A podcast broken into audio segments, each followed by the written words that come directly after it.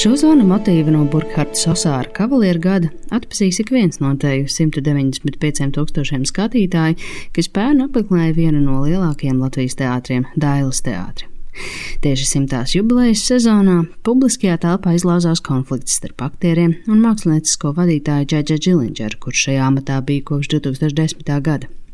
Septembra beigās pašam Džilindžeram esot ārzemēs, štata aktieru vairākums parakstīja neusticības vēstuli viņam. Tas bija negaidīti, manuprāt, no viena aspekta, tāpēc, ka šajā revolūcijas procesā ārkārtīgi aktīvi iesaistījās cilvēki, kuri līdz tam, un arī pēc tam faktiski diezgan aktīvi apgalvoja, ka teātrī jau patiesībā lielās līnijās viss ir vislabākajā kārtībā, un tad atrada šo Džilindžera faktoru, kas nu tur būtu jāmaina, bet ka viss pārējais ir ļoti labi. Un vai tas tā ir, nu, tur nu mēs varētu tagad sākt ļoti plaši diskutēt. Tā secina teātris kritiķis un laikraksta dienas žurnālists Acis Rozentāls. Viņš bija viens no četriem kritiķiem, ko Džilingers šovasar aicināja uz sarunu, lai publiski skaidrotu savu un teātra māksliniecisko kursu. Šī visnotaļ interesantā saruna lasām žurnāla teātra vēstnesis rudens numurā jau pēc viņa atkāpšanās. Tam, ka visā nevar vainot tikai paša Džilingera radošo krīzi, par ko kritika tika runājusi jau agrāk, piekrīt arī teātra kritiķe Līga Ulberta. Viņa cer, ka Džilingers režiju tomēr pavisam nepametīs. Nu, nav tā, ka pie visa vainīgs bija tikai un vienīgi Džilingers problēmas. Es domāju, teātrī tomēr bija un ir dziļākas.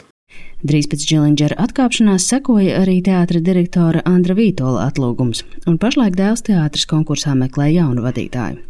Tāpēc par turpmāko abi Latvijas radio uzrunātie teātra kritiķi pagaidām ir piesardzīgi. Un ir jābūt cilvēkam, kurš nāk ar tādu vīziju, kas maksimāli spēj pārliecināt kolektīvu pirmām kārtām par to, ka ir jāiet konkrētā virzienā.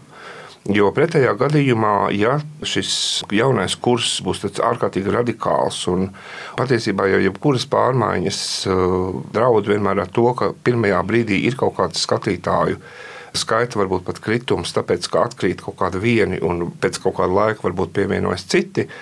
Tad uh, vai teātris um, būtu tam gatavs, un vai tas nebeigtos ar vēl kādu nebūtu sapulci, uh, kuras rezultātā kādu atlaiž? Pēc dēls teātrī notikušā publiska vēstule ar nu jau gandrīz folklorizējušos nosaukumu Teātris nav Rimčiks izplatīja jaunā Rīgas teātra mākslinieckais vadītājs Alfs Hermans. Viņa prāta māksliniecisko vadību nevar uzticēt teātra direktoram, un tā ir jāsaglabā kā atsevišķa pozīcija.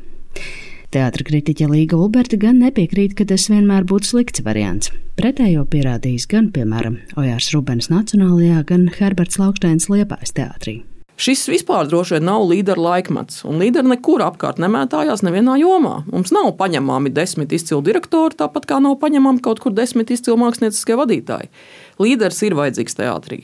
Es esmu par to pārliecināta. Tas, ka tas var būt, manuprāt, arī direktors, respektīvi ne obligāti tieši mākslinieckais vadītājs, kā noteikta štata vienība, tas, manuprāt, tomēr ir iespējams. Jā.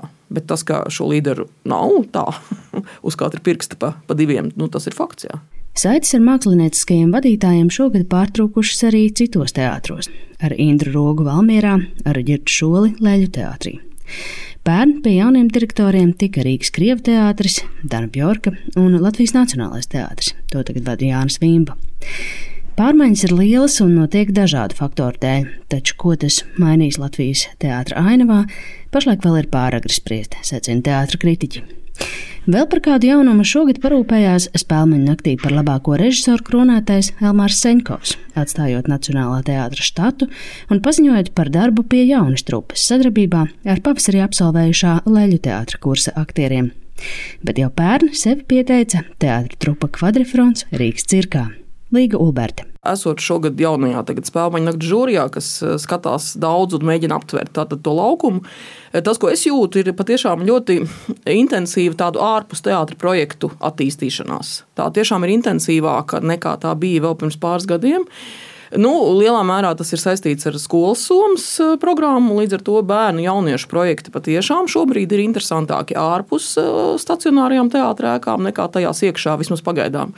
Tas nu, jaunības process, kas varbūt iekustina kaut ko ārpus teātrēkas, ir jūtams. Bet runājot par repertuāru teātriem, tuvākās saturiskās pārmaiņas visticamāk redzēsim Dēls teātra simtās sezonas repertuārā, ko sākotnēji vēl veidoja Džilingers.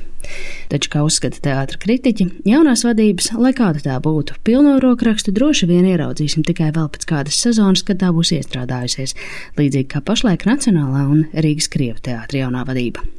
Māra Rozenberga, Latvijas Radio.